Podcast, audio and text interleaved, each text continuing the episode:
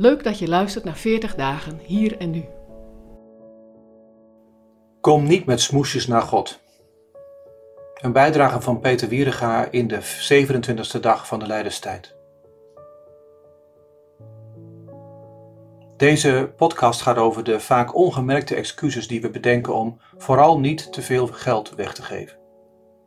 En over de manieren die we gevonden hebben om ons eigen geweten te sussen om niet gul te zijn. Op allerlei momenten dat een appel op je wordt gedaan, kan dat gebeuren.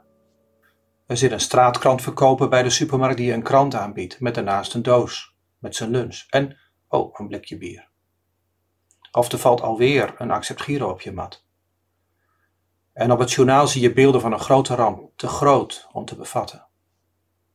En op het moment dat je zoiets ziet of hoort, dan klinkt er dat stemmetje in je hoofd. Dat stemmetje dat met allerlei uitvluchten komt. Uh, als ik help, dan is dat toch maar een druppel op een goede loeiende plaat. Als ik uh, geef, dan blijft hij drinken. Ik kan het dus beter niet doen. Waarom zou ik helpen? Die problemen zijn toch zijn eigen schuld. Oh, er zijn ergere situaties dan deze, dus dan hoeft het dit keer niet. Mm, dat is wel veel gevraagd, zeg. Ik mag toch zelf ook wel wat genieten. Uh, nee, ik heb net enkele andere uitgaven gepland. Het komt nu even niet uit. Die stemmetjes.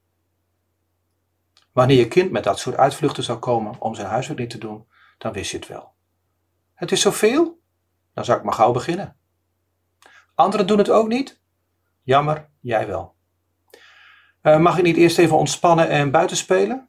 Natuurlijk mag je naar buiten, maar eerst je huiswerk maken. Bijzonder is dat, hè? Als het over ons geld gaat, dan worden wij die pupers. Dan komen wij met smoezen voor onszelf, om niet te doen wat God wel van ons wil. En daaronder lijkt een diepe weerstand te zitten, om afstand te doen van wat van ons is. En omdat we dat verzet in onszelf eigenlijk ook niet goed vinden, bedenken we van die goed of vroom klinkende uitvluchten.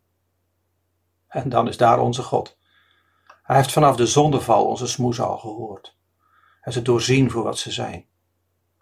Hij is ook bekend met die donkere kelder waar al onze excuses ontstaan. Met geduld en liefde wil hij ons opvoeden en hij kan je dan stevig terechtwijzen. De vader zegt streng tegen zijn kind: Als jij niet aan een ander geeft, waarom denk je dan dat ik aan jou wel iets zou geven? En de zoon kan zeggen: Hé discipel, zie mij daar eens zitten als een dakloze, als een straatkrantverkoper. En de geest vraagt: Hé, hey, tempel, waar ik in wil wonen, wat doe je met mijn gaven? Ga Gods weg van liefde. Vorm je hart naar dat van die vrijgevige vader. Kies die route van de zichzelf opofferende zoon. En deel uit van de gaven die de geest je geeft. En wanneer je dan naar boven gaat met je huiswerk en roept: Hé, hey, ik heb het gedaan. Dan zegt je vader: Goed gedaan. Zalig ben je. Jij hebt met je ogen niet weggekeken. En je hebt je geweten niet laten sussen. Je hebt geen smoesjes bedacht. In jou klopt mijn hart. Jij bent mijn kind. Dat is duidelijk.